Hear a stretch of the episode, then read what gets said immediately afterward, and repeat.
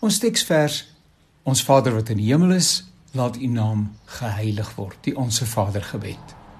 Dit kan ook anders gestel word: Laat U naam geheilig word. U naam is heilig of heilig is U naam. Die gebed laat U naam geheilig word noodsaak die heiliging van God se naam deur ons lewens, deur die wat die gebed bid. Heilig beteken hy is gans anders, eenkant en spesiaal.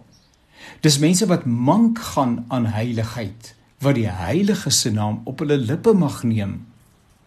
Die gebed profeteer dat sy naam ewenigs geheilig moet word deur hulle wat hom nie erken nie. Ja, dis uitgestelde erkenning van sy heiligheid. Die Bybel leer ons dat elke knie sal buig, dan nie in hierdie lewe gewilliglik nie, dan wel in die toekoms, in die ewigheid.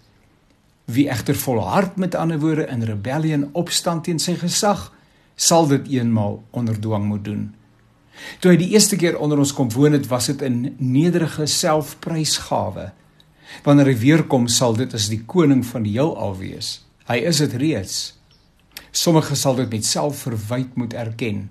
Selfverwyd omdat hulle toe hulle geleenthede gehad het, selfvoldaan op hulle eie traject voortgeploeter het.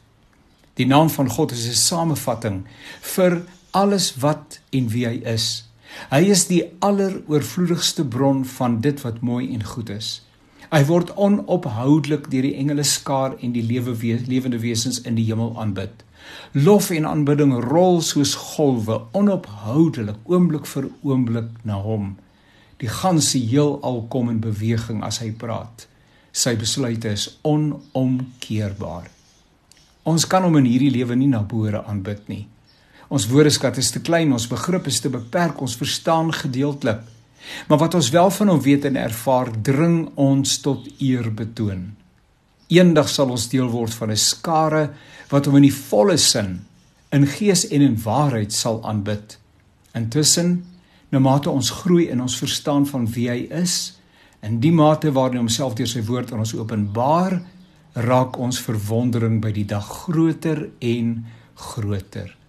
Ons Vader wat in die hemel is, laat U naam geheilig word.